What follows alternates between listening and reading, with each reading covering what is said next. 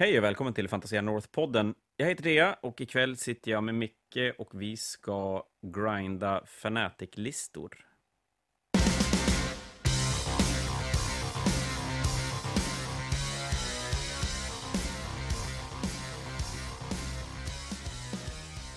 Så, nu är det en vecka kvar till Fanatiken. Vi blev till slut 83 stycken anmälda, som är en reserv och inga sjukdomar, då är vi 84 stycken spelare, vilket ändå känns... Ja, men det känns bra. Det är inte den största fanatiken, men det är långt ifrån den minsta fanatiken. Som vanligt nu de sista gångerna så ska du och jag gått oss igenom, ja, inte 84 listor. Eller? Nej. Ja, vi kör alla. Vi kör ja, alla. Det, Det blir lika roligt. bra. Fy Ja. fan. Det, det brukar ju bara bli längre timmars tänkte. ja, i och för sig, vi har väl släppt en del monsterpoddar. Nu har jag inte släppt Tyranid-podden jag spelade in med Kim. Den ska väl dyka upp i början på nästa vecka. Den är tre timmar lång, så att eh, vi har någonting att sikta på där. Nej, men vi, vi har... Ja, vi ska ju säga det också att, som sagt, Fanatiken är om en vecka. Vi kommer att livestreama 40K-matcherna, eller en 40K-match från varje omgång, så det kommer att finnas att titta på vår Twitch-kanal. Länk i poddbeskrivningen finns det. Det... Oj, nu tappar jag helt vad jag skulle säga för någonting. Det var säkert något djävulskt viktigt. Ah, skitsamma. Eh, Oavsett, vi har en ganska bra spridning av arméer den här gången, tycker jag ändå. Ja, som vanligt så leder ju Space Marines, men det var väl inget konstigt. Nej, men det, jag tycker att, nej, som du säger, det är ju egentligen inget konstigt. Och när vi pratar Space Marines så har vi, vi, jag ska gå igenom mängden arméer på en liten stund, men då har vi valt att klumpa ihop alla Space Marines för att, det är ju inte så himla stor skillnad på det ändå. Och, och det gör ju att det blir ju ganska många olika arméer som samlar, samlas i ett och samma fack. Men fortfarande, trots att de anses vara nästan sämst, så, så är det mycket Space Marines ändå. Ja, sen typ när vi skulle, skulle vi gjort det här för ett par år sedan, då hade vi ju, eller något år sedan, då hade vi kanske tagit White Scars som en och liksom sådär, när de var intressanta. Men nu är det inte så jättenoga vad man spelar. För något år sedan så hade vi haft en, en lista med tre stycken tier Vanguard Veterans med, med Lightning Claw Stormshield hade varit en grej. Det känns inte riktigt lika hett nu. Nej, nej, alltså nog tror jag säkert att det finns eh, Space Marine-listor som kan vinna turneringar om du har en jättebra spelare bakom ratten. Eh, men om du liksom ska dra det överlag så nej, inte så jättebra just nu. Nej, det, det kan vi sammanfatta det med. Men i oavsett så har vi då 18 stycken olika varianter av Space Marine-spelare. Vi har 10 Custodes, vilket inte alls känns speciellt konstigt, både för att det är numera en, en bra armé, men det är ju också en armé som är väldigt, väldigt lätt att kasta sig in i. Det, det, det går fort att måla. Vi har ju Beb, vår egen Bebbe klev in i Custodes för, är det tre dagar sedan? Typ Ja, något sånt. och ska göra färdigt i Fanatiken. Så att det, är- det är ju tacksamt på det sättet. Vi är åtta Tau-spelare och det är jag inte heller så förvånad över. Inte egentligen så mycket för att Tau är ny och bra, utan för att Tau är en väldigt populär armé. Har väl egentligen inte varit många Tau-spelare. Det har ju så fallit bort Tau-spelare allt eftersom, för de har ju rent ut varit sagt tråkiga att spela under ganska lång tid. Ja, men alltså förra Fanatiken så var det två Tau-spelare, nu är det åtta, så det är ändå fyra gånger mer. Så det är väl för att de är bra. Jo, men det, det, absolut. Men jag, många Tau-spelare har legat i dvala och byggt andra projekt under tiden Tau har varit... Jag tror inte så mycket för att de har varit dåliga. Självklart är det en del av det också, men, men mest för att de har varit dåliga på, på en ganska tråkig nivå. Och, och det, det gör ganska stor skillnad. Så att Tau, det är inte så himla förvånande. Eh, systrar, fem stycken, det är ett ganska rejält dropp från förra Fanatic. Från förra Fanatiken. Och då hade vi ju Var det Hade vi- 13? ja, 13, vi hade ungefär lika många spelare va? Ja, så, så det är en, en... Och då kan jag tänka mig att vi har fem av de här systerspelarna, det är sådana som, som spelar systrar.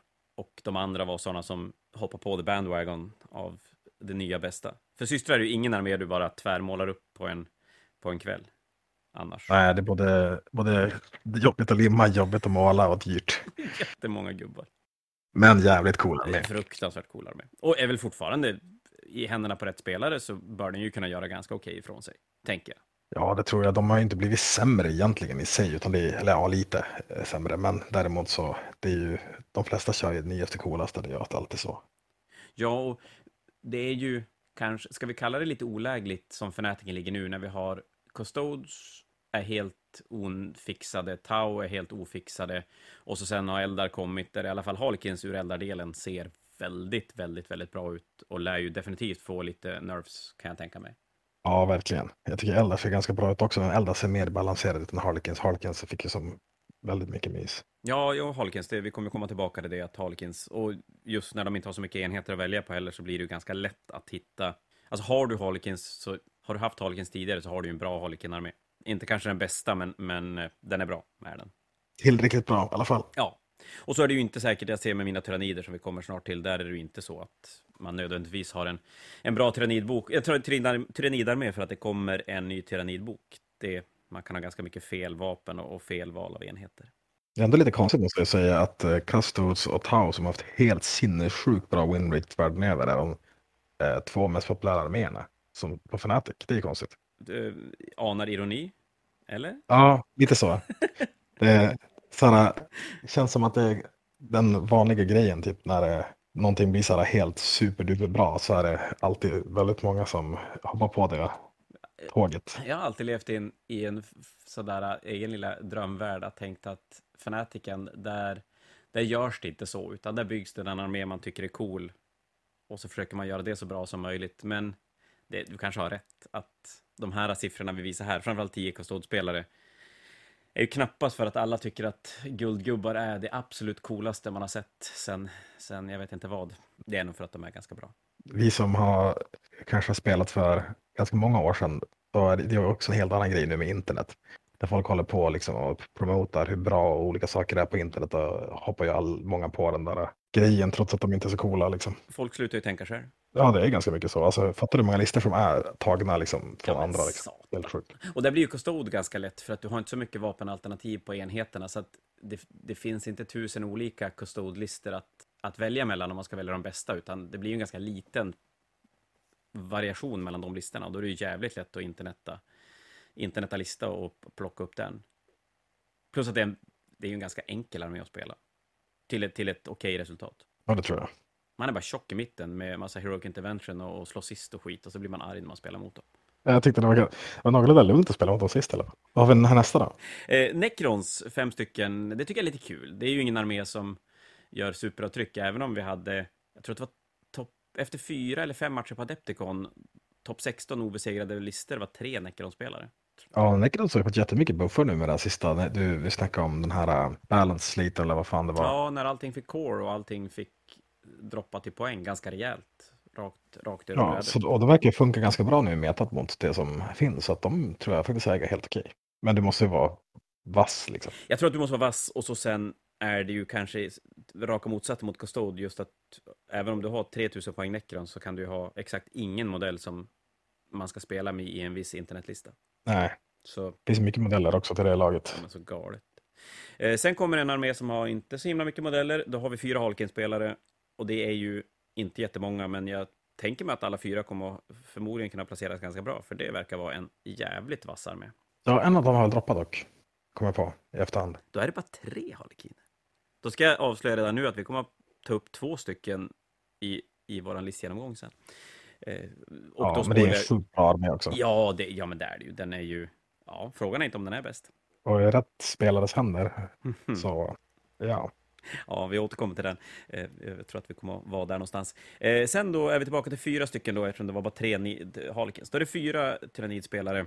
Det är lite färre än vad jag trodde det skulle vara med tanke på hur de har gått med Monster Stampede och grejer. Men det kanske är så att den nya boken som har blivit spoilad gör att man tappar lite sugen på att grinda tyrannider utan man väntar in den nya boken istället. Och det blir lite så nu när Eldarboken var på väg ut så slutade jag typ spela helt och hållet för jag ville bara spela den boken. Det är ganska lätt så att det kan bli så. Ja, det är ju svintråkigt att spela gammalt när man, när man vet vad man ska få för nytt, även om jag, jag tror att enkelt bra i alla fall så är nog Crash Stampede bättre än, än nya Tyrannidboken. Men eh, det, det, var, det var för en annan, en annan diskussion. Eh, vi har efter det fyra eldar, där du är en av dem. Vi ska snacka din lista lite senare jag tror att varför vi inte har så mycket eldarspelare är ju för att det är en armé som har varit på dekis i, ja hur länge? Fem år? Typ? Ja, sen sjunde. Ja, typ. då är det, vad är det fem, fem, ja, Eldar Jetbike eh, spamlistan var det sista vi såg Eldar. Ja, förutom i Nare då. Om man vill räkna det, då fanns det ju massa Dark Creepers och eh, ja, Shining Spears. Det gjorde det. Men, men I ja, början av 18 den, den har varit borta ett tag, så att det lär vi väl se en... Det är ju en armé som folk suktar efter, så det lär vi se mer eldar längre fram. Sen har det varit slut på allt hos GV länge, alltså på eldar sedan boken kom. Varit, jag tror vi ska säga är. Ja, är. Så det är svårt att få tag på och eh, alla gamla resinmodeller är de som har blivit bra typ. Ja. Eller mycket av det. Så att jag tror att det är ganska många som inte får tag på de här superlistorna, då spelar de inte alls typ. Nej, men det kan jag tänka mig, att då, då känner man att då väntar man istället. Eh, ska också sägas att vi, och det ska vi se om vi kommer ihåg sen, att vi har en, en liten sån där eh, väldigt sen ändring i, i regelhäftet, men det tar vi lite senare. Vi har fyra stycken orker. Det är väl inte mycket att säga till om, till, säga om. Jag tänker mig att orker är orker. De har sina trogna följare och spelare.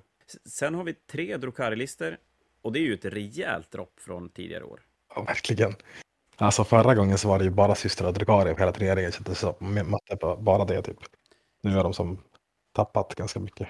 Men är det för att de har blivit så, alltså nerfad så mycket mer, mycket, så mycket och blivit så mycket sämre att folk inte orkar? Eller tappar man lite sugen kanske när, när ens armé hela tiden förändras?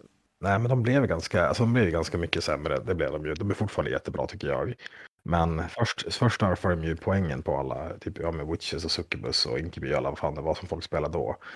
Och sen då alla Gary om då till de här Talos-listorna och då nerfade de ju dem. Och då blev det som att folk typ gav upp. Men jag tror egentligen att första delen som de nerfade första gången är fortfarande bra egentligen. Ja, med tanke på att winraten den hade när det var som bäst, det var ju, den var ju helt galen. Ja, folk är så här att nu typ, ja men kör jättegärna med typ uh, Howling Banshees för 100 poäng. Men Inkubi för 90 slår ju fortfarande svinhårt. Så jag tror, inte att det är så dåligt att spela Drukari. De är säkert ganska bra. Men det känns som en klassisk internetgrej, att när någonting blir sämre än vad det var innan, då blir det dåligt. Det finns ingenting däremellan. Det är, så ja, är det bara. ofta är det så. Så vi får väl se. Jag, jag tänker mig att Drukari, för det är fortfarande en enormt fin modellrange, jag tänker mig att de kommer komma tillbaka.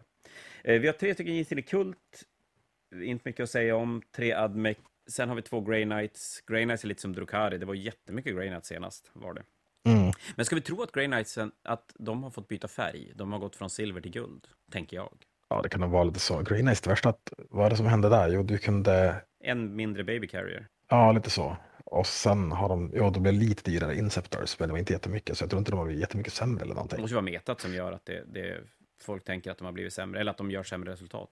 Jag, jag får ju känslan att, att de som vill spela elitarméer med få modeller som är snabbt målat, då är ju Custodes det naturliga valet nu, istället för Grey Knights. Ja, sen kanske det också är lite så typ att de är kanske inte jättebra mot Custodes just, speciellt när alla körde den här 4 plus uh, fylla pain mot Mortal Wound Custodesen. Nej, det får vi se. Det kanske blir en ändring nu. Det, det återkommer vi också till. Sen har vi två stycken eldarsopper. Det vet jag inte riktigt vad du menar med, men jag gissar att det är eh, eldarsopper. Ja. Det är när du kör Craftwell och Harlequins tillsammans. Åh, smuts. Eh, sen är det två stycken Death Guard-spelare. Det är 2000 söner, en Astra Militarum, tre Chaos Space Marines och en som inte har skickat in sin lista. Tror att det ska spelas orker, men det behöver vi inte spekulera i. Så vi saknar vi? Vi saknar Chaos, nej, Chaos Knights och Imperial Knights. Inga riddare alls är med och leker den här gången. Nej, eh, sen tror jag att vi har allting. Ja, jag eller? tror att vi har alla andra arméer eh, representerade faktiskt. Eh, vi kan väl alltid fråga, jo men Astra, eh, vad hette, Tempus-listan är väl en del av Astra-boken, va? Visst är det det? Jo. Ja, exakt. Så att, eh, nej, men han kör Tempestus också. Så att, Ja, okej, så till och med det. Nej, men så att med den ensamma Astra-spelaren där på slutet, då täcker vi nog alla, alla arméer utom riddarna. Men du, då ska vi ta, och då har vi gjort så här, nej, vi kommer inte gå igenom 84 stycken armélistor. Vi tänker att det är svintråkigt att sitta och lyssna på. Utan vi har väl egentligen spekulerat i vilka vi tror kommer att placera sig bäst. Och då pratar vi inte spelare, utan då pratar vi framförallt arméer. Vilka factions vi tror kommer att placera sig bra. Och så sen har vi plockat ut intressanta listor i, i de factionserna, Plus att vi har tittat lite grann på spelare som inte spelar de factions men brukar placera sig bra. Vi har till exempel Tim Nordin som kom trea förra Fanatiken. Ska spela Thousand Suns nu, så den listan ska vi kika lite närmare på till exempel. Yes. Så vad säger du, ska vi börja med kalsongalver? Ja, Matalverna. Ja, det kan vi absolut göra. Det låter Eh, och då ska vi börja med då Axel Rydén kanske. Eh, Ja, men precis. Eh, Vi hade alltså tre stycken Harlequin-spelare blev det totalt. Eh, Och vi har plockat ut Axel Rydéns Harlequins lista och oj, nu ska vi höra min finska här. eller kanske inte så mycket finska. Eh, Jussi Salonen, eh, hans Harlequin-lista också, som vi ska kika lite närmare på. Eh, inte superstor skillnad mellan de här två listorna. Nej, jag tycker vi behöver kanske inte gå in på alla Warlord Treats och Relics och sådana grejer heller, för att jag Nej. har inte kollat på dem. Det, men, är ju inte superintressant. Men, men båda spelar i alla fall Blaze of Light som chapter, vad det nu heter till Harlequins. Och, och det gör ett... Saidas, det är den här dansen. Ja, men nu ska jag inte försöka uttala det jävla...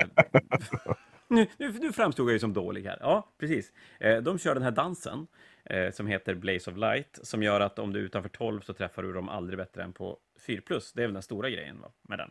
Ja, och så kan du eh, springa och skjuta grejer som om det vore stationary. Och det är ju intressant. Jag vet inte om de kör så mycket bikes de här, men det är ganska intressant med exempelvis bikesen som har shuriken cannons på sig nu som är heavy.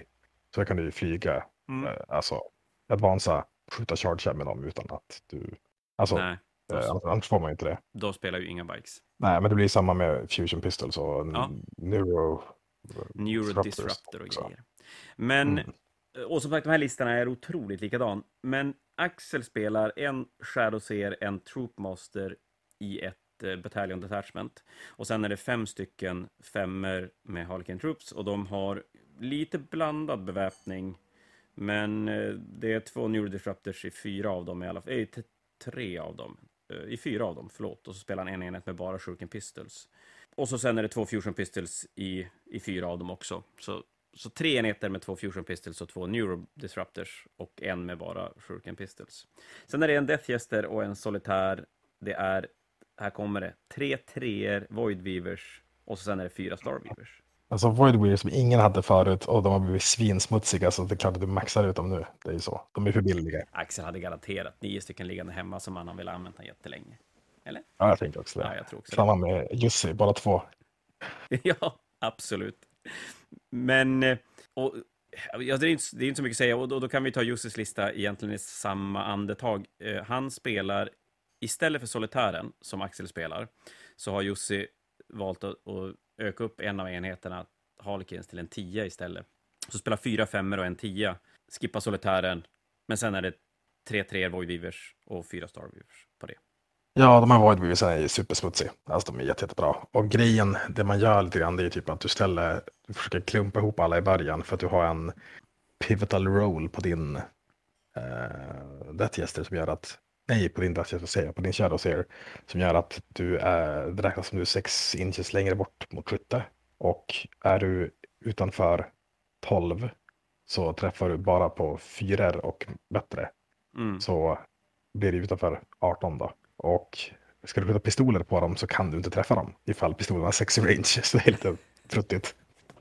Nej, den, här, den där bubblan i mitten, eller den här bubblan i början, den, den är ganska den här ska jobba att hantera och det är klart, de kan ju flytta den där midfield om de vill.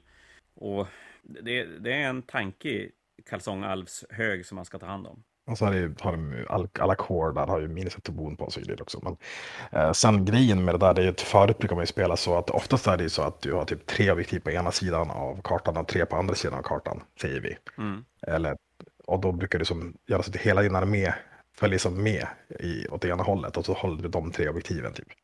Alltså så att du alltid är inom range för alla auras och allt sånt där liksom. Så att det brukar ju vara det. Men, och sen har du ju en aura med sex och pain också, så att du har ju ganska mycket auras du vill stå inom. Ja, och i början, och så sen är det ju så pass snabb att du kan ju välja att stå i en bubbla ganska länge för att ganska sent kliva ut och börja plocka poängen som du, inte, som du släpper i början. Och jag säger det redan nu till alla Harkin-spelare där ute, om vi möts så stå jättegärna i en bubbla så jag får spränga er med min Eldritch Storm. det, det, är det som ska lösa det. ja, det är det. Ja, men faktiskt, det, det är ju en, det är ett hot mot, mot den där bubblan. Det går inte att komma ifrån. Ja, men båtarna, eh, du kan ju, jag är tre Farseries, så att på fem, sex så spränger jag i båtarna. Ja, det är ganska bra. Bromsa upp det ganska rejält, gör du. Ja. Nej, men det är, det är en jättefarlig lista. Alltså, alla de här troopsen är ju superfarliga. De har ju lite blandade specialvapen så de kommer åt både mortal wounds och invalid saves och grejer. De har både jättebra skytte och jättebra närstrid och jättesvåra att döda. Så att, och den här jävla deathgästen är ju störd. Det är ju typ, ja. du ignorerar lookouts här. Du skjuter tre skott.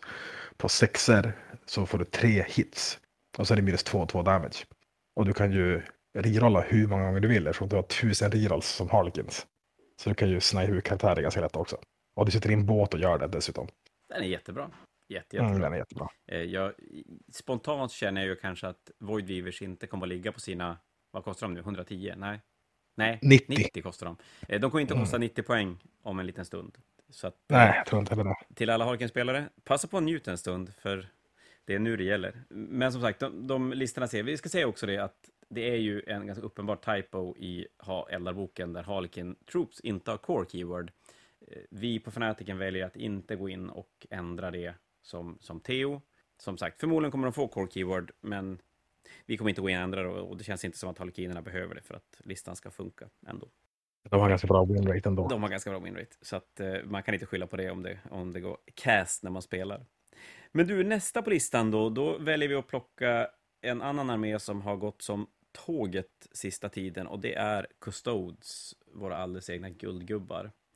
Eh, och där har vi valt att kolla på två listor, en av Indran som är en av våra finska spelare och så sen har vi även kikat på Bebbes lista som är ja, han är ju halvfinne, men han är vår egen, egen fantasiaspelare. Vi tar bara eh, folk som har finsk påbrå när det är Custodes och pratar om i alla fall. Precis. Det känns som då har vi ett tema i alltihop. Det är ju jättebra. Ja, jag hoppas att man målar dem vitblå också. Absolut, det utgår vi ifrån. Och, och då satt vi innan och pratade så här att vi skulle ta en lista, så vi tog upp Bebbes lista för att han spelar Shadowkeeper, vilket inte brukar vara vanligt att göra. Och sen inser vi att båda de här spelar Shadowkeeper. Ja, det vanligaste som man har sett överallt är folk som kör Emperor's Chosen. Det är ju jätte, jätte poppis. Och det är den här- som har Invo mot uh, Mortal Wounds, va? Ja, of Pain, exakt. Och eh, ja, de har lite annat bus också, alltså det blir och grejer. Så den är ju jätte, jätte poppis. Men du, så sa jag till Bebbe, kör Shadowkeepers istället, när vi pratade om det. Och då tänkte jag att vi skulle ta två olika listor, de som vi hade kollat på. Och då var båda Shadowkeepers, så det var ju roligt. Så att du har någonting, på, du har någonting där på G, tänker du? Ja, men jag tror att, eh, jag tror att Shadowkeepers kommer vara en grej. Och det Eh, Shadowkeeper gör då, det är att de ger minus en attack på alla modeller inom engagement range till minimum en attack. De får rerolla wounds mot karaktärer och det luriga där är att de har ett warlord trait som ignorerar invo save mot karaktärer. Ja, och single styrka med ett. Och en relik som gör att man slår sist om man är eh, man får välja en enhet inom engagement range från relikbäraren som gör att den enheten slår sist. Det är ganska bra karaktärsdödare där. Om man sätter en, en eh, jag gissar att de spelar bike-karaktär som kan in och döda karaktärer. Ja, exakt. Det, Bebbe kör eh, en Terminator-kapten som kan heroically intervena vart som helst på brädet. Och, eller det finns ju restrictions, men alltså väldigt långa Ja, det är den här tele fall. teleport teleporterings... eh, Ja, exakt. Och så kör han en bike captain. Eh, sen så har han eh, custodian guards som sina troops, de här med spjut. Eh, och så har han tre contemptors, Eh, sex bikes, eh, en kille med flagga och lite sånt. Så han kör inte Trajan, vilket är sjukt otippat för att eh, det var typ, jag såg en youtuber som håller på att göra statistik och grejer. Då var det typ, han hade tagit typ sista jättemånga turneringarna som han hade kollat på. Och då var det typ över jättemånga GTS så var det typ 18 procent av alla som spelade spelade kastod för det första. Det är jätte, jättemycket. Mm, det är jättemycket. Och 100 procent av alla listor körde Trajan. Det Men det är ännu inte. Bebbe. För Trajan är broken. Trajan är sådär... eh, Vi, vi pratade om, om eh, poängsänkningar och grejer på Fantasia idag och då kom vi in på Space Marine-fordon och var så här, de skulle kunna sänka de flesta Space Marine-fordonen med typ hälften och de skulle fortfarande inte vara värda att spela. Och Trajan skulle de kunna typ höja dubbelt och han skulle fortfarande vara bra. Ja, han är jätte, jättebra. Och eh, han Indran, han kör såklart Trajan. Alltså, inget konstigt. Men när han inte kör, som jag tyckte var lite intressant, han kör inte med den här kaptenen som kan eh, intervena, utan han kör med en Blade Champion istället. Och sen kör han Secretarium Guards, de här eh, Heavy Bolter Guardsen, eller man ska säga, istället Mm. för, ja det är väl Fortwell killar då, istället för de andra. Och Bebbe kör två ettor med Terminator, så han kör två treor med Wardens, väl de som är eh, bodyguards. Då. Det är det. Och så Och sen, sen kör han tre treor bikes och Bebbe kör två treor bikes. Så det är väldigt, väldigt annorlunda listor från varandra. Ja. Men båda kör Shadowkeepers och vill göra lite samma sak. Så det är ganska kul att se. Indran spelar ju en Shield Captain på Bike också, gör han. Jo, exakt. Båda har ju det. Eh, så att det, det är ju väldigt, väldigt annorlunda listor från varandra. Så det blir intressant att se hur, hur det går. Jag tycker typ att jag tror mer på Bebbes lista. Eh, det som är fördelen för han Indrande är ju att han har bodyguard-grejen är jättebra. Och så sen eh, har han lite mer bikes, han är lite snabbare, han skjuter lite mer med sina Sagittarium. Men Bebbe har Contemptors och när du har Toughness 8 och du kan sänka styrka med 1. Då börjar det helt plötsligt bli väldigt mycket grejer som målar på 6R och du vet. Så jag tror att nästan att Bebbe har en edge där faktiskt. Eller det var jag, så, så som jag kände. Nej, men det, absolut. Det jag fastnar mest, tycker, eller det jag fastnade mest vid, det är när du säger att de, de var väldigt olika listorna. Och då tänker jag mig, det är ganska intressant hur man tittar på den här typen av listor och hur, hur lite olika de måste vara för att kännas väldigt olika. Jag tänker mig att om vi hade pratat om två eldarlistor eller två tyrannidlistor eller två nekronlistor, som hade delat så här många modeller med varandra, då, då hade de varit typ identiska, om du förstår hur jag tänker. Men eh, det är ju en lista, det är ju en armé som har få modeller, så att det är ju inte så mycket att säga om. Eh, ja, nej, men alltså ändå, det är typ det enda som de delade är ju typ Bikes och Bike-kaptenen. Ja, i och för sig. Det, så är det ju. Ja, det är spännande. Jag, jag, tror ju att båda de här kommer kunna göra ganska bra ifrån sig, för det är ju två riktigt, riktigt stabila arméer. Det känns som att de, de går aldrig riktigt dåligt. Måste ju vara ännu bättre i ett, i ett win-loss-turneringen i ett 20-0 i alla fall mycket mer stabil i Winloss, Winloss turnering. Ja, det tror jag också. Sen då, då kommer vi till nästa armé som vi ska ta upp två stycken av. För visst var det bara det, det är Tauk som vi ska snacka om två olika arméer. Yes. Och då har vi valt att kika på Magnus Forslunds Tau-armé. Magnus kom tvåa med systrar, va? Uh, yes. Fanatiken gjorde han. Och Patrik är en lokal Umeå-spelare som har lirat Tau i 100 miljoner år, fast han inte är 100 miljoner år gammal. Och gjort... Han gör oftast bra ifrån sig lokalt i alla fall. Och har väl inte gjort jättebra ifrån sig de senaste Fanaticsarna med Tau, men å andra sidan har Tau inte varit så tacksam att spela kanske. Nej, verkligen inte. Men det är ju ändrat. Ja, det är det ju. De, de eh, känns ju rätt arga Tau numera, måste man säga. Sen är frågan hur roliga de är numera. Tau lider ju lite grann av att folk kan, brukar tycka att det är ganska tråkigt att spela mot Tau. De är lite mer mobila nu än de var innan. Det är fortfarande så är det ju oftast att de bara gör saker i en fas. Det var väl det som jag tyckte var tråkigt med dem när jag spelade dem. Eh, jag ville gärna slåss och magi och sådär också. Men de, det är ju roligare att spela en mobil skyttarmé än att spela en skyttarmé som står i en bubbla och går framåt tillsammans. Ja, det, det är det definitivt. Ska vi börja med Magnus lista? Yes, Magnus kör Tausept. Eh, och han har två Crotox Riders. Han har en eh, Cold Star eh, Commander som har massa coola grejer på sig. Bland annat den här eh, flamern som gör att du får skjuta i närstrid och eh, utanför närstrid. Fast det är en flamer som du måste träffa med, så det är lite konstig flamer. Ska vi tro att den kommer att fuckas lite grann sen kanske? Ja, jag kan tänka mig det. Det, det är väl även den som, som skjut, den, den, den slåss i närstrid med flamern? Ja, exakt. Och får så här 2D6 per attack, så den slår typ 8D6 attacker eller någonting. Jag tror inte det är så många, men det är en del. Ja, det blir många. Det är jättekonstigt. Ja, i alla fall. Jag kör en Ethereal också, vilket är en klassiker. Uh, det två 10 recruits. Där är en, två patrol kör han tror jag. Sen har han en stor enhet med uh, Crisis Battle Suits med uh, fem drones och jättemycket. Han kör, kör en ganska klassisk. Alltså, han kör två stycken Air Burst Fragmentation Projectors på varje och en Cyclic Ion, så han har jättemycket indirekt. Och eh, Cyclic Ion är superbra. Eh, sen har han väl spesgrejer på dem också. Alltså, en sån här, eh, vad heter det? Ja, du vet, eh, system och grejer. Jo, det, det är ju en hopplös armé och om man inte spelar Tau är det en väldigt rörig armé, för det är otroligt mycket grejer som de kan peta dit lite här och där.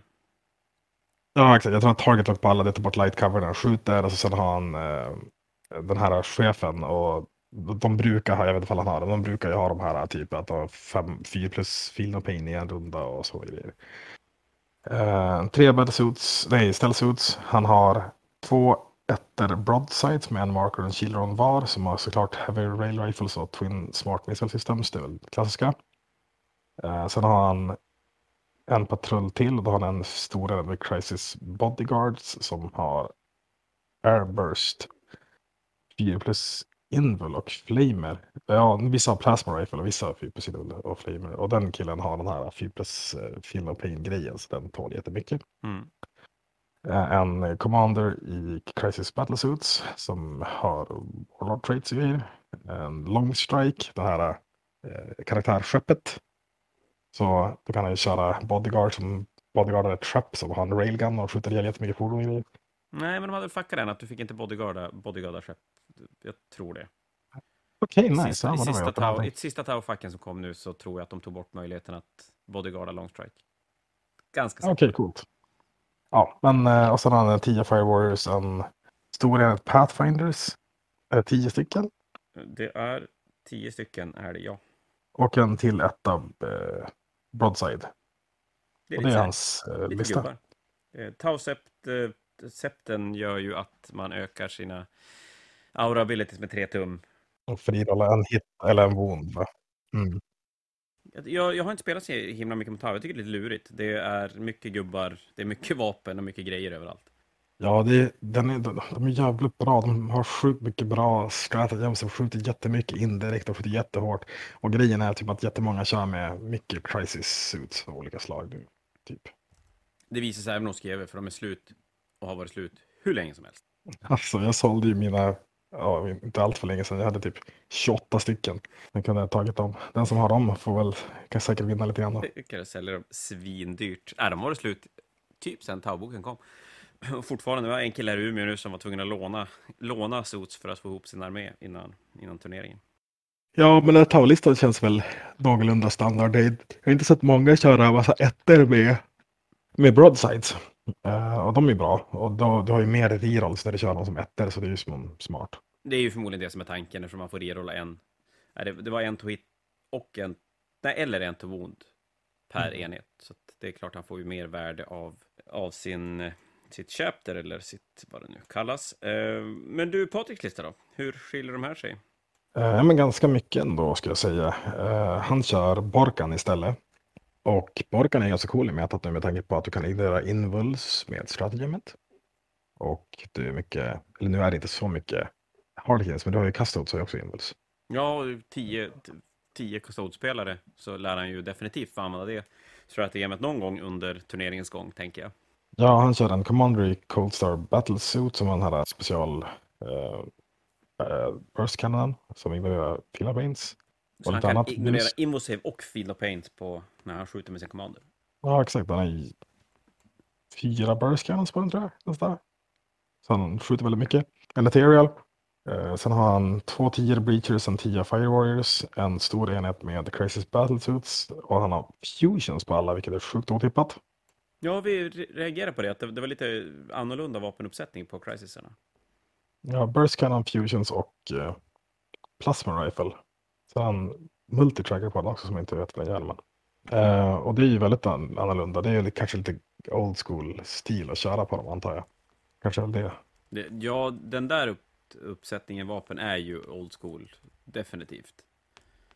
Sen har han en till stor med Crazy Suits som har Airburst Fragmentation, den här indirekt som alla kör, Fusion och Plasma. Eh, en Ghost Kill, en enhet Stealth Suit 3, eh, två stycken fyra med drones, en fyra med marker, en fyra med gun drones. Han har en femma Vespid Stingwings eh, och en trea Broadside Battlesuits. Och sen har han två Devilfish med Breacher sida för de kan väl gå ut och skjuta efter de har rört sig. Ja, precis. Cool, cool grej.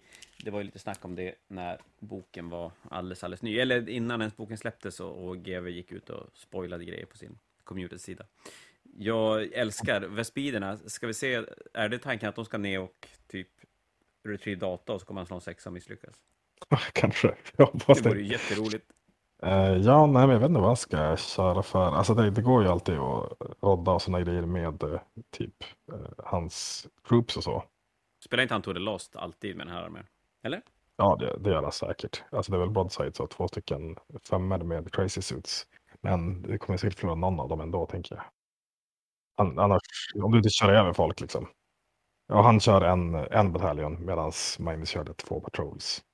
Så, och det är väl för att in- alltså, köra fler eh, attachments eller få in fler commanders antar jag. Egentligen.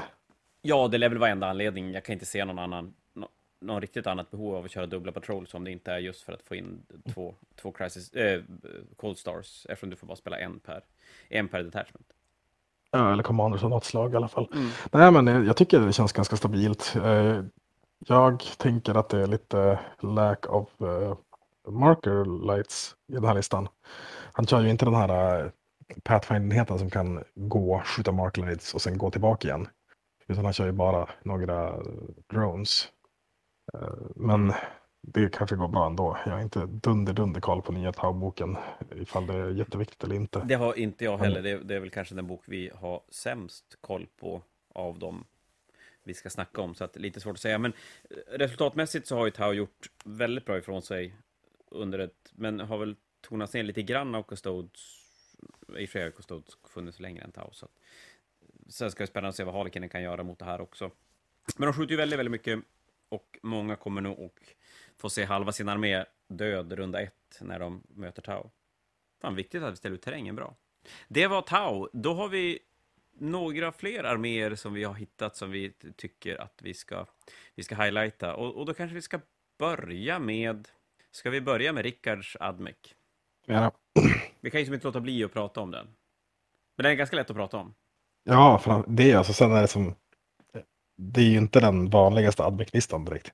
Nej, det är inte den vanligaste Admec-listan. Det är ganska få Admec-listor överhuvudtaget. Eh, Rickard vann förra fanatiken och ja, jag skulle tro att oddsen på, på hans att vinna turneringen den här gången är ganska låg också.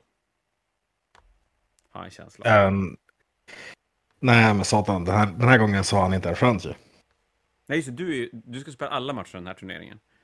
Ja, jag, är, jag ska jag fan varit till naprapaten nu två gånger, nu är det dags. Aldrig varit mer redo. Alla andra sitter och målar figurer och grejer och spelar, du bara nej. Massage. Det är det som är ja, exakt. Efter förra eh, gången så måste man ju. faktiskt. Och för er som inte vet så var Micke tvungen att kasta in handduken för att ryggen strejkade när du hade gått... Ja, vad hade du? Hade du 57 efter tre matcher? Uh, ja, 50, 54 sista matchen så hade, då, hade, då började det göra så ont att jag glömde enheter och grejer. Så blev det bara 14-6. Usch. Men- Men... Det såg, såg bra ut en stund. Sen fick Jo. du ligga hemma och tycka synd om dig själv.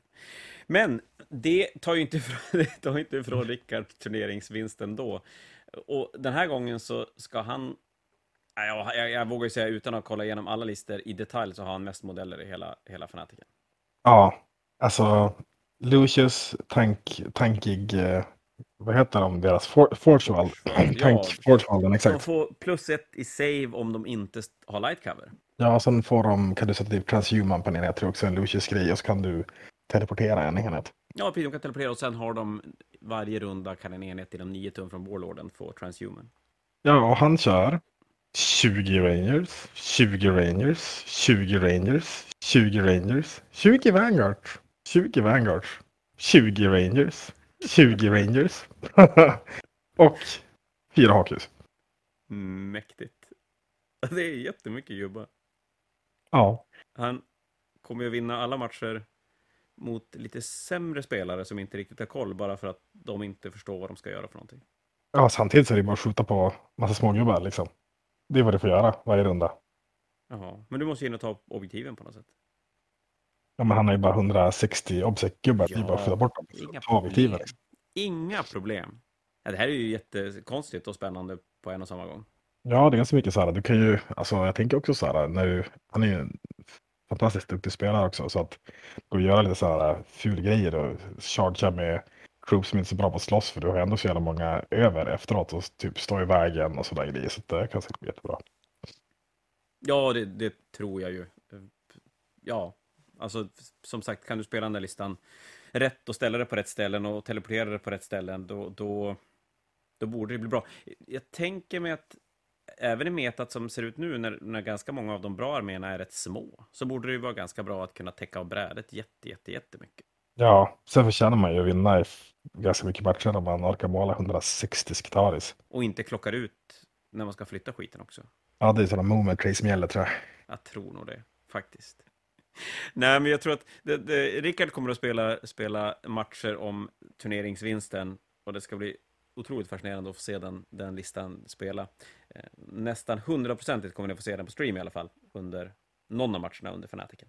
Yes, vad har vi härnäst då? Ska vi ta och prata lite klassisk Drukari? Det kan vi göra. Eh, Daniel Hesselberg spelar Drukari, en armé som Ja, men som vi sa innan när vi gick igenom vilka arméer som var med så, så har ju Drukari blivit nerfad fram och tillbaka nu så att man nästan har, har tappat bort sig i, i vart de är någonstans och någonstans på vägen har som community, det känns lite grann som communityn har släppt Drukari och, och tyckt att det här är dåligt, nu skiter vi i det här. Som sagt, du var inne på att det är nog fortfarande ganska bra och Daniel ska spela Drukari, egentligen mest för att han ska spela Drukari på VTC, låter det som. Och fanatikerna är onekligen ett bra tillfälle att testa, testa hur listan funkar. Men du kan ju få gå igenom hans lista, för det här kan ju du. Absolut, han kör en Real Space Raid, heter det. Uh, Cult of Red Reef, uh, Cover of the Black Heart och uh, den här Artist of the Flesh, den som blev nerfad, framförallt mot för fordon. Då. Och då har han en Arcon uh, eh, som Warlord, då. Uh, en Homunculus, en Succubus, för det måste du ha. Och Homunculusen har väl eh, ja, men hela höga toughness på eh, gubbar, core-gubbar. Succubus med The Blood Glaive, så han, hon slår hårt. Han har en femma Cabalites, en femma Rax, en femma Rax, en femma Witches. Eh, sen har han grotesker i förbannelse. Han har tre stycken femmer, sexer. Det är faktiskt sexer är det. Eh, med uh, Monsters Cleavers och han har två Liquifier Guns i varje och sen Flash Gauntlets. Och de, ja men alltså de är ju undertankiga. Femma Feel of Pain, sänker damage med ett och uh, Inval Save sexa eller femma beroende på runda. Har de också fått, för visst gjorde de så att den här Transhuming, nej, den här sänka damage funkar inte mot styrka 7 eller mer, eller var det mer än styrka 7? Uh, åtta eller mer. Yeah. Och uh, det var sämre för fordon också tror jag. Mm. Men Sen kör han tre treor Talos med heatlances och lite specialvapen. Så det är en ganska straightforward lista kan man ju lugnt säga. Ja, onekligen. Den här listan, det var lite grann det som dök upp i kölvattnet av att de höjde poängen på Witcher och grejer, va? Visst var det så? Ja, exakt. Och fast då körde det ju, ja, du körde mycket Talos och så körde du Kronosar också. Men grotesker inte lika mycket, men groteskerna kommer ju fram lite mer nu. De var ju fortfarande jättebra då också, för de gick ner fem poäng per modell i och med den här balance data-sliten. Men nu när de, när Talos och Kronos har fått lite mindre kärlek så tror jag att groteskerna kommer upp mer. Men den här listan tycker jag känns stabil. Det är jättejobbigt när det kommer äh, grotesker utandes. Men, hallå, det är ju inga, inga raiders. That's crazy, crazy talk. Vad gör du Daniel? Nej, det är faktiskt inga raiders alls. Det såg jag inte ens från början. Eller jag tar inte märke till det. Han... Du bara, skitarmé där ja. att spela. Nej, men det är, det är ganska, alltså på sätt och vis så, om du ändå har ganska tankiga gubbar och du ska försöka liksom stå bakom träng och sådana där grejer så kanske det är skönt att slippa betala flera hundra poäng i Raiders. Ja, för de blev mycket dyrare, blev de. Visst var det så?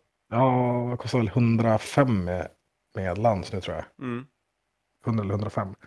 Så att då istället för att ha tre stycken, då får du 300 poäng mer gubbar istället. Och det är ju, jag menar, det är en talåsenhet. Ja, så att det här är ju, det är ju en spännande lista ändå. Inte alls vad man har sett förut eller vad man tänker att de ska göra och sådär. Sen är det också sådana grejer, typ säg att du skjuter sönder en Raider och sitter det grotesk i den. Då vill du ju kanske inte att eh, de ska stryka foten på vägen ut heller. När de kostar lite mer poäng än Cabalites. Nej, det är sant. Det är mycket poäng som dör när de, när de eh, faller ut om de, om de stukar foten, som du säger. Ja, första Fnaticen jag körde när jag kom tillbaka så hade jag, eh, vad heter de? Rate guards i båtar. Eh, och sen då var det ju såklart sista matchen där som en snubbe lyckas flyga fram med massa grejer och omringa båten och så dog alla mina Rakers i. Då var jag lite mindre glad. De kostar ganska mycket poäng också. Ja, den är rätt, den är rätt tuff här den faktiskt. Det, det är ingen höjdare. Nej, men jag tror att, alltså ja, Daniel ska definitivt kunna placera sig bra och sen blir det spännande att se hur långt Drukari-listan kan ta det. En del av, av de spelare som rent på, på spelarmeriter skulle placera sig högt har ju kanske plockat mer som just för tillfället känns lite vassare. Men eh, det, det ska ju spelas också. Han har väl vunnit för ett par gånger också, har han inte det? Daniel är den som har vunnit Fanatiken flest gånger. Han kan eventuellt vara delad första plats på den listan, men det, det är jag lite osäker på. Men, men han är antingen delad, den som har vunnit mest, eller den som ensam har vunnit flest gånger. Och har ju spelat i ETC, VTC-laget i herrans massa år, varit kapten och grejer. Så att, ja, spela 40K kan han, definitivt. Mm, det blir spännande att se. Sen då, vad har vi då? Ja, men då måste vi ta och snacka lite tyrannider. Även om det känns alltid lite konstigt att göra när man vet att det är en ny bok alldeles runt hörnet. Men den här fanatiken får de nöja sig med den gamla boken, som i och för sig har fått enormt mycket uppdateringar på jättekort tid i både en Leviathan Upgrade och en Regiment of Renown uppdatering i Crash Stampede. Men då tar ju du den här? Ja, den, ja, lite, lite koll har jag väl. Men vi ska kolla på Linus Wallins tyrannilista och han spelar då en Army of Renown, Crusher Stampede och Leviathan High Fleet som öppnar upp en, en massa godsaker i, i form av uh, stratagems och Warlord Trades och grejer. Eh, då spelar han en Hive Tyrant med, med vingar som ska slåss i närstrid. Jag gissar, utan att kika jättenoga, men jag undrar om inte han spelar den, den reliken som ignorerar invo saves också, kanske. Det, det vågar jag inte säga hundra säkert. Sen spelar han Mananthrop och en Swarmlord. Det spelas med tre treor Tyrannid Warriors, Cycling Talons på hela högen. En maliceptor, två Demakroner, sen är det en Exokrin, en Trygon och en Tyrannofekt. Och där är vi lite fundersam. Brukar man inte se minus Maleceptor, Trigon, tyranofex och kanske massa Highguard. Ja, Maleceptorn, den köper jag. Den har ju fått en del bra sådana här Synaptic Link-buffar och grejer. Men, men eh, Trygonen och Tyrannofexen känns... Jag vet inte. Att byta ut dem mot Hiveguards hade kanske jag valt istället. Han kanske har någon superbra plan, men eh, jag, jag, ser den inte riktigt. Gör jag inte. Så att eh, det blir spännande att höra lite grann vad, vad tanken bakom det är. Tyrannofexen skjuter ju en del, han spelar flashspårer hive på den, så han skjuter eller 20, 20 skott med den. Det kanske är en... Två gånger att stå still va? Eh, ja, precis. Så det kan, kanske är en sån där tanke att det kommer vara mycket vad ska jag kunna tänka mig? Harlekiner kanske då? Eh, det jag sålt... Eller 160 nej, nej, nej, gud, det är inte jag sålt 20, det jag har sålt 30 för guds skull på den. Så han skjuter ju 60 skott om man står stilla. Styrka 5 minus 1, AP1. Alltså det, är ju, det dödar ju alverna. Gör det ju. Men också är det första gången vi får se Dimakaroner på Fnatic. Det är det. För ja, vi har ju godkänt eh, Forge World. Jag har ju länge velat godkänna Forge World, men folk har varit så himla emot det så att jag har som hållit bort det. Eller kanske inte så, men i alla fall. Så att nu kör vi Forgeworld. Det är inte jättemycket Forgeworld-grejer. Det är några enheter till, till Custodes och så sen har vi Demakronerna här. Men de har aldrig fått, fått leka på Fnatic-borden. De är ju bara strikt bra. Punkt. Jag har inte spelat mot dem, ska vara ärlig. Jag är ju infödd eh, Umeåbo, så vi har ju inte kört så mycket. Nej, jag har inte spelat mot dem heller, men alltså, statsen är ju bara bra. det, det, det, ja, nej, de är så bra. Nej, men Tyrannofexen, ja visst, den skjuter jättemycket, men ja, jag, jag, vet inte riktigt. Trigonen, kanske ännu mer förvånad över Trigonen. I övrigt är det ju inga konstigheter i den. Den, eh, ja, men den, den gör ju ont och den, framförallt tål ju den här listan enormt mycket stryk. Med, med damage reduction och 5 på alla monster. Gör ju att den är enormt stryktålig. Mm. Det blir spännande. Det ska bli väldigt, väldigt spännande att se hur tyranniderna avslutar innan det är dags för, för ny bok. Uh, next up, vad har vi då? Ska vi ta och vi tar och kikar på Tims lista. Tim kom trea på förra fanatiken med eh, Dark Angel. Nu ska han spela Tusen Söner istället. Och Tusen Söner har du ganska bra koll på. Ja, fast det blev lite förvånande. Jag såg No Force Org Slot en Sorcerer där. Så man får ha en oslottad. Det visste jag inte om. Det var coolt. Vad är det han köpt då som gör att han får ha en Sorcerer oslottad? Ja, det måste ju vara någonting i boken. Bara jag som har dålig koll på det. Ja, nej, det men, det är en... koll på i alla fall. Men det spelar kanske inte så stor Nej, den bataljen i alla fall. Han har Ariman, en Exalted Sorcerer, en Infernal Master och sen en Sorcerer i någon konstig slott där. Han kör med eh, Kralta Duplicity som du kan teleportera med och även Kristallen som du kan teleportera med. Han kör en eh, Rubric, två Rubric enheter, en stor kultistenhet, vilket är lite otippat. 18 stycken. Eh, sen kör han två Chaos Contemptor Dreadnoughts med eh, Twin Volkite Culverins. Det är väl Forge World också. Ja, det är det. Eh, så kör han en stor enhet med Occult Terminators och en till enhet med stor med Occult Terminators och en Vortex Beast. Så han är ju chunky, en chunky boy. Alltså de här Terminators tål ju himla mycket, alltså med All Dust och du kan buffa deras invulsiv och minst hit och allt vad han är. Ja, men jag såg någon match, vi, vi streamade från Fantasia, våran, våran spellokal, och spelade mot... Eh... Nej, men det var väl du och Marcus som spelade mot Ludde? Ja, exakt. Det var inte finalen där. Alltså, det Mm. slängdes in otroliga mängder Drukari in i den där tian Terminator för att få ihjäl dem. Det var hur mycket som helst. Ja. Och de dog aldrig. Nej, de gjorde ju inte det. Det stod ju typ två kvar. Jag körde Cult of Times, han ressade dem. Det var två inkubenheter, det var Drasar, det var Succubus, det var Vicious, det var bara allt som bara slängdes in i dem och det, det hände väldigt, väldigt lite. Och så spelar han, det, nu zonar jag ut lite grann när du pratar här, men han spelar den kulten som gör att han får teleportera och grejer. Exakt, och han har ju sjukt, sjukt mycket mortal wounds. Alltså, Mm. Arman har ju typ tre spel som varierar alla sina spel. Så du har ju de här cabal pointsen så du kan ge plus to cast och indeniable och så öka range och du kan eh, dra line of sight från olika gubbar och allt möjligt. Så du kan ju spamma hur mycket motion som helst. Där har du jättemycket minus två bolterskott och grejer också. Det Så är det lite ju- intressant när vi just har sagt att de två custode-listor vi tror kommer att, göra bäst ifrån sig spelar inte Ignore Mortal Wound-grejen utan spelar en annan chapter-variant istället. Och det är klart, då blir det väldigt bra att, att vräka iväg Mortal Wounds. Ja, men alltså jag tror typ att Thousand Suns ändå, du har jättemycket skott och det är bra mot alver. Mm. Du har jättemycket mortal wounds och det är ju superbra mot eh, Harlequins, eh, mot Custode som inte har mortal wounds givet. eller det, det är bra mortal wounds givet, alla har sexa. Eh, och eh, minus två AP är ganska nice mot många också och sådär, så jag tror att det här är en jättebra lista. Minus 2 AP är väl det ultimata AP just för tillfället, va? För att då drar du ner de här 2 plus, 4 plus plus gubbarna ner till sitt invosave, men du betalar inga extra poäng för att slösa bort AP heller. Eh, ja, i Förlust of Cover har de ett plus så att, Ja, just det, då skulle du kunna vilja ha 3 plus i och för sig. Mm.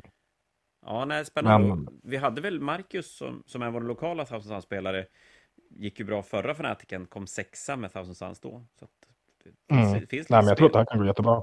Ja, det blir spännande. Absolut. och se. Men du, då har vi egentligen bara en lista vi hade pratat om att vi två. skulle ta upp. Är det två? Vilken har vi saknat förutom? Jag hade ju tänkt vika in dig så här snyggt sista. Vilken har jag missat nu då? Eh, äh, sisters. Ja, just det. Vi skulle prata systrar. För systrar var ju extremt mycket sisters förra, förra fanatiken. Vi hade en systerspelare på femte plats. Den, den är inte med och spelar den här gången. Det var Max Persson. Han är inte med den här gången. Däremot Peter Sagerå kom tolva förra gången och ska spela systrar nu också. Så vi tänkte att vi skulle kika lite grann på den. För systrarna är ju en armé som inte för så himla länge sedan gjorde ganska bra ifrån sig. Ja, systrar jag tycker de fortfarande känns ganska bra. Det här är en lista som är eh, lite annorlunda från det man ser just uh, nu för tiden i alla fall. Men det är en Battalion of Bloody Rose. Eh, Han kör en Inquisitor, Kyria Draxus. Så han kan köra uh, Psychic Interrogation om man vill. Det missar vi, när vi, vi backar bandet ända till i början, men det missar vi på, på Bebbes Custode-lista, att han spelade också en ensam inkvisitor. Ja, exakt. Faktiskt också Draxus. Nej, jag spelar... Ja, skitsamma. Men, eh, och, och jag, vi spekulerar i att det är ju för att öppna upp, framförallt kanske för att öppna upp ett, eh, ett till sekundärt i Psychic Interrogation då, Mm. tänker vi oss. Men ja, fort, Eh, Jag kör en eh, Kanoness, en Celestine, uh, Efrel Stern och Kyganil of the Bloody Tears. Uh, två femma Battle Sisters, en tia Sisters novi, Noviser. Två enheter Sakrisanter, en Dogmata, en trea Paragon Warsuits som då har gått ner i poäng. En Preacher, en femma Repentia, en enhet Serafimer, en stor enhet med sefurim, en Rhino och Marvenval. Så det är lite allt möjligt godis i den här. det var väldigt, väldigt mycket blandade grejer och väldigt mycket som man inte ser så himla mycket. För visst är Novi, Novitiates, det är de nya från Kill Team, va? Eh, ja, men det är det säkert. Jag har inte sett dem förut, så det antar jag. Mm. Ja, och de har jag väldigt dålig koll på, på vad de gör för någonting. Så här, här tar vi upp en lista som vi inte har så här superduper koll på. Så jag, här kan inte jag säga så jättemycket faktiskt. Nej, men Inquisitorn är väl, då har du ju Smite som är ganska nice, om inte annat. Och så kan du ju köra ett second interrogation om du vill. Canes har ju alla, Celestinen är ju jättebra, har alla Efrel Stern och Kygelil of the Bloody Tears. Det är de här två stycken karaktärerna som sitter ihop. Som tål fruktansvärt mycket och har någon sån här specialsmite också. Så du får ut en del mortal wounds och grejer. Så slår de jättehårt. Sekresanter har ju varit en staple ganska länge nu när du kan beskydda dina karaktärer. Speciellt de här som kan stå och skjuta som Morveval exempelvis. Dogmatan, det är deras Chaplain, heter det. Ja, alltså precis. prayer tant. Warsuitsen har gått ner lite poäng, han kör ju multimelta på dem och grejer så att det är väl eh, chunky-enheter liksom. Preacher för att få plusattack. Repensias är ju Repensias. Ofta brukar man ju komma in från sidan då med autocharge-grejer. Serafimer eh, med handflamers. Och Sephims är ju superbra nu. Så med Blood Rose så har de ju typ så här 50 attacker för en 10 eller någonting och eh, ja, gör jätteont. Och de också autocharger ju om du har stoppar ner dem när du har rätt tärningar ute. Ja, exakt. Så nej, men det är väl, jag tror att det kan vara en ganska stabil lista. Tror, den här typen av lista också kan man ju tjäna ganska mycket på att folk inte riktigt, riktigt har koll på, på vad man kommer med. Folk hade inte koll förra gången, det var ju typ halva spelplanen den sista där, det på att säga, nej men 13 listor. Ja, och nu är de bortglömda. Så ännu mindre koll. Och sista där är ju bra liksom, jag tror att det kan, kan säkert gå bra för honom. Men du måste ha en plan med listan. Ja, det, det det är ju mycket kroppar som ska ta poängen och det kanske inte är så att de... Ja, de- det är ju inte riktigt Harlequins och Custodes att de kan antingen studsa överallt eller att de bara ställer sig i mitten och inte dör. Det är lite förvånande när jag sett de här listorna som jag tagit upp det och pratat om egentligen. Det är att det är väldigt få listor som man ser som har inbyggda eh, retrieve data units. Det är som ändå varit den mest populära eh, secondaryn av alla typ. Att du ska kunna köra den här retrieve data så du har några enheter som är specifikt utmärkta för det. Jag menar, du, okej, du kan göra det med vilken Harlequin-enhet som helst i teorin. Men du kanske inte vill det om du har kittat dem jättemycket specialvapen i det. Nej, och tappar du en gubbe ur en enhet, då är det ju helt plötsligt ganska vanskligt. För du vill ju inte göra det med en enhet där du måste... Där du inte får slå en sexa. Nej, exakt. Och sen Custodes gör ju det ändå inte. De har ju sina egna grejer som lägger ut flaggor och sånt. Men, eh, och Tau-enheterna som man har sett också varit sådana här enheter som alltså, inte kör rodd så mycket. Ingen, ja, det är de där krotenheterna och spela två tior i krötter som ska kunna göra det. Ja, men det är ganska lätt att denia att på din sida av brädet att du skjuter bort Ja. saker som kan komma hit. Typ, så. så jag tycker att det, det är en grej som man ändå kan säga inte, inte så vanligt. Patrik spelar en femma vid speeder, men det känns ju som att om man missar, missar med en. Ja, nej, det, det är lite otippat. Men det är som de flesta listorna som man har sett förut har alltid varit den grejen inbyggd, men nu är det väldigt lite sånt. Så jag undrar om folk förväntar sig att de ska kunna dö, köra döda secondaries och ta lite mindre poäng då, men det tycker jag är lite konstigt i ett 20 system Den är ju, ja, den är vansklig, är den. Då är det ju väldigt lätt att man hamnar och spelar en 12-8, 13-7, även om man faktiskt vinner jätte- jättemycket. Alltså man, man dödar jätte- jättemycket, men, men tar du inte poängen, då räcker det ju inte alls. Nej, men säg typ att du möter en lista då som det, de ger bort det är typ tre karaktärer och plus ett för Warlord, det är 10 poäng. Och så sen dödar du inte Warlorden så du får 6 poäng i Assassinate bara, det är ju ganska dåligt i ett 20 system jag tycker. Det Det är- du kunna få alla poäng på rund. Det är ett straff, är det. Så att, eh, det ska bli spännande att se om, om folk, har, folk har glömt bort de sekundära. Eller om de har någon superplan som inte jag vet om. Det är nog mycket psychic interrogation som kommer gå ner nu så det blir kanske engage eh, eller stranglehold oftast egentligen. Och psychic interrogation och sen någonting till då. Men vad någonting till är, det är det som är intressant.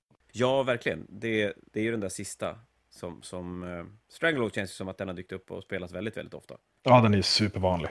Och jag vet inte hur det ser ut med de arméspecifika i de nya böckerna, om Harlekinerna har någonting som är, är väldigt lätt att klara, eller om Custodes har någonting som är väldigt lätt att klara. Ja, nej, inte riktigt. Alltså det finns ju några som är helt okej. Alltså typ Harkins har någon som du kan ta det tillbaka objektiv för folk för tre poäng och det är ju ganska bra. Men det är ju eh, överlag så tror jag att många, ja, jag vet inte, jag tror många kör killgrejer då i sådana fall. Ja, det är ju ett alternativ också, även om man, man är lite mer beroende av att motståndaren ger bort, ger bort de, de döda grejerna. Men ja, det blir spännande. Men du, då har vi, nu, nu har vi en lista kvar som vi har pratat om. Och då är det din Eldar-lista, för Eldar måste vi ju diskutera i sammanhanget känns det som, med en ny bok och allting. Ja, de är ganska bra också. Och det är lite intressant, det är fyra Eldar-spelare och två stycken som kör Eldar plus Harkins. Och jag tror, om jag inte missminner mig, att alla utom jag kör Ultve.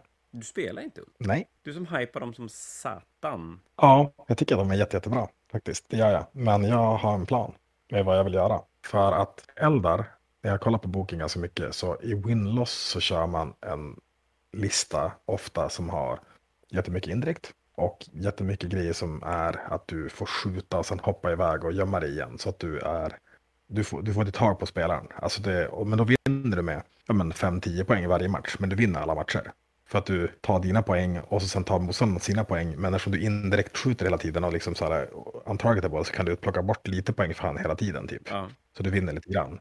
Och det är det som har varit stilen för Eldar. Men det kan ju inte vi göra eftersom vi kör 20.0. Nej, det går ju faktiskt så inte. Då, och då är det mycket sådana listor som är starka primary-listor. Och det är det Eldar har problem med, tycker jag. För att dina små obsec-killar är ganska lätt döda. Och du behöver inte ha så många heller. För om du är en kastodspelare eller du är en tyrannid, crusher stampede eller du kör knights för den delen så eh, är det jävligt lätt att ta bort primary från mig om jag kör en sån typ av lista. Så därför bestämde jag mig för att köra en custom craftad istället som är lite lättare att, eller duktigare på att döda saker som har mycket wounds. Typ. Och jag ser ingen indirekt alls. Ja, det är ju lite en skräll faktiskt. Så jag har, jag testar lite annorlunda stil nu mot vad alla andra gör i den här turneringen i alla fall. Sen finns det ju säkert folk som kör liknande också. Eh, överallt annars liksom. Men jag kör två stycken patrols och jag kör en custom craftworld eh, som gör så eh, Halo Doom och Children of Prophecy heter den och det gör så att om jag med Shurken-vapen träffar med en sexa så autobondar jag och jag får automatisk rend, det vill säga att det räknas som en sexa to wound.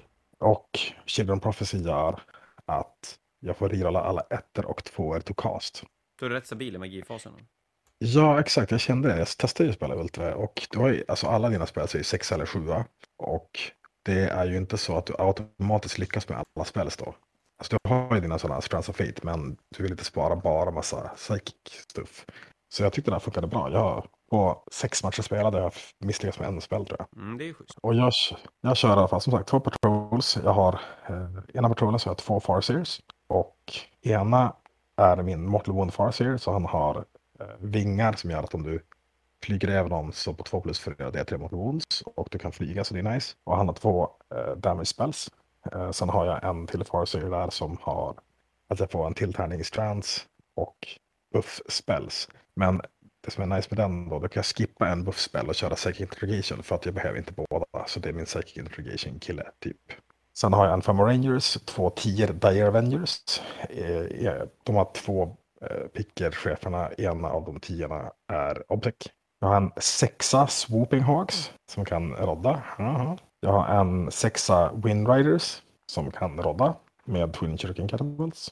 Jag har tre stycken Wave Serpents. Sen min andra patrol så har jag ett Seer Council, det vill säga två Warlocks som eh, har Protect Jinx. Jag kör Phoenix Lord Baharot Eh, en till Farseer som då är min Warlord och han har Guided Doom. Eh, och en till femma Rangers, eh, en till tia Dire Avengers med två picker, Exark, en femma Howling Banshees med en jättearg chef, en trea Shining Spears med en jättearg chef och en sexa Warp Spiders som kan teleportera när de har som Battlefocus move. Och det är hela listan. Ja, men lite annorlunda från vad vi har sett eldar dyka upp med de, de, den här närmaste tiden nu efter nya boken, måste jag säga.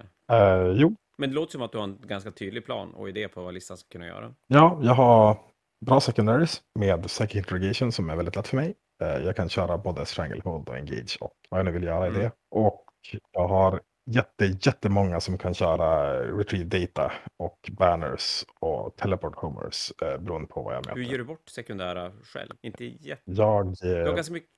Bort 13 på ja, ja, men det gör ju nästan alla arméer, 12-13 där någonstans. Ja, fast vi, jag kan ju hoppa in i båtar med alla mina karaktärer och grejer också och jag kan flyga runt ganska mycket så jag är inte jätterädd för att ge bort så mycket faktiskt. Vad, vad vill liksom. du möta, just om vi pratar nu Harlequins och Custode som vi har hypat upp här nu, är det någon av de två arméerna som du hellre möter eller spelar inte så stor roll? Ja, Harlequins har jag en nackdel mot, jag har jättemycket Dire Avengers, de har 18 i range och Harlequins tar bort 6 i range i en bubbla. Så det mm. är, kan ju vara lite segt, runda ett i alla fall. Men jag kan ju spränga dem. Jag har tre Farseers. Så jag kan, och jag har ju Redeploy också, det har han också. Men jag kan göra det 3 plus 3 Mortal Wounds på allt inom en 6 bubbla. Och vill han stå i sin bubbla för att få sin 6 bort i range då får han ju smaka Mortal Wounds istället. Så det är väl den matchupen som jag tror kan vara jobbigast. Men samtidigt så måste han spela ganska bra för att inte bli springd då. Och det är nice att det är bara tre stycken Harlequin-spelare också, så att det är ju ganska rimligt att, att dodga dem ända vägen upp till eventuellt en sista match då. Ja, sen skjuter jag förbaskat hårt och jag har ganska mycket skott och grejer också. Och eh, Diven så är bra, eller allt jag har har bra AP kan man säga så, förutom typ eh, Superhawks då, med det är ju en sexa. Eh, så att jag tror typ att den här listan borde funka ganska bra faktiskt. Att det kan ju blocka ganska mycket med skeppen och sådär också. Så att... Men du, där hade vi de tio stycken, ja, det var ju fler än tio listor, men de tio olika factions som vi kikade närmare på. Sen finns det ju massa andra, det finns massa Space Marines och grejer, men vi tänker oss att det här är vad vi tror kommer att vara att slåss om toppen. Ja, jag alltså, det vore ju spännande ifall det inte var så att det kommer lite folk som man tror ja, ser någon så här Necron-armé eller någon, det är klart med, med 18 Space Marine-arméer så någon Space Marine-armé lär ju möta andra Space Marine-arméer och sådär, kunna ta sig ganska högt upp. Så topp 10 lär ju absolut ha andra lister i sig också. Men eh, jag tror att vi har Fnatic-vinnaren bland någon av de spelarna som vi har pratat om. I sig. Ja, men, ja, men det är jag. Det, det Hallå. det. Så att nästa fråga då, vem du tror kommer vinna Fnaticen, det svarade du på där att det är du? Ja, absolut. 100 procent. Nej, men eh, jag tror att de flesta sätter sina pengar på Rickard Nilsson. Ja. Tror jag. Men jag, jag sätter självklart mina pengar på mig. På... Ja, då blir det nog fan i mig Axel som får min röst. Eh, det var länge sedan jag såg han spela nu, men, men när det spelades fantasy, GAM-fantasy för länge sedan, då gjorde han otroligt bra ifrån sig. Och nu är han tillbaka i gamet och, och ser ut att ha spelat en del om, man kollar lite turneringsresultat och grejer. Och Harlekinerna känns ju som att de definitivt ska, ska kunna göra, göra, göra bra ifrån sig också. Tack. Men oavsett, det blir ett spännande. Som sagt, det är en vecka bort, så lördag den 2 april kör Fanatiken igång. Vi spelar tre matcher på, på lördagen och två matcher på söndagen. Det kommer att streamas en match från varje omgång på vår Twitch-kanal så att har ni inte möjlighet att komma förbi och hänga eller är med och spela så får ni jättegärna sitta och, och lyssna på Kim och Lennart när de pratar 40K på Twitch. Annars, Micke, tack för ikväll. Vi kommer ju garanterat att följa upp det här efter Fanatiken med en post Fanatic podd när jag får skratta åt dig när du inte vann. Och kom ihåg att beställa massa coola modeller från Fantasia. För att eh, efter Fanatiken så är det fullt fokus på Grand Fanatic, så då ska ni ta era tre polare, bygga fyra coola arméer och komma och spela lagturnering i Stockholm. Jaha, nu ska vi alldeles snart ställa fram klockan en timme och då är den mycket, mycket senare än vad den egentligen är nu. Så att eh, jag tänker mig säga att vi säger godnatt till alla som lyssnar på oss och så sen hörs vi längre fram. Hej då på er! Yes, ha det bra!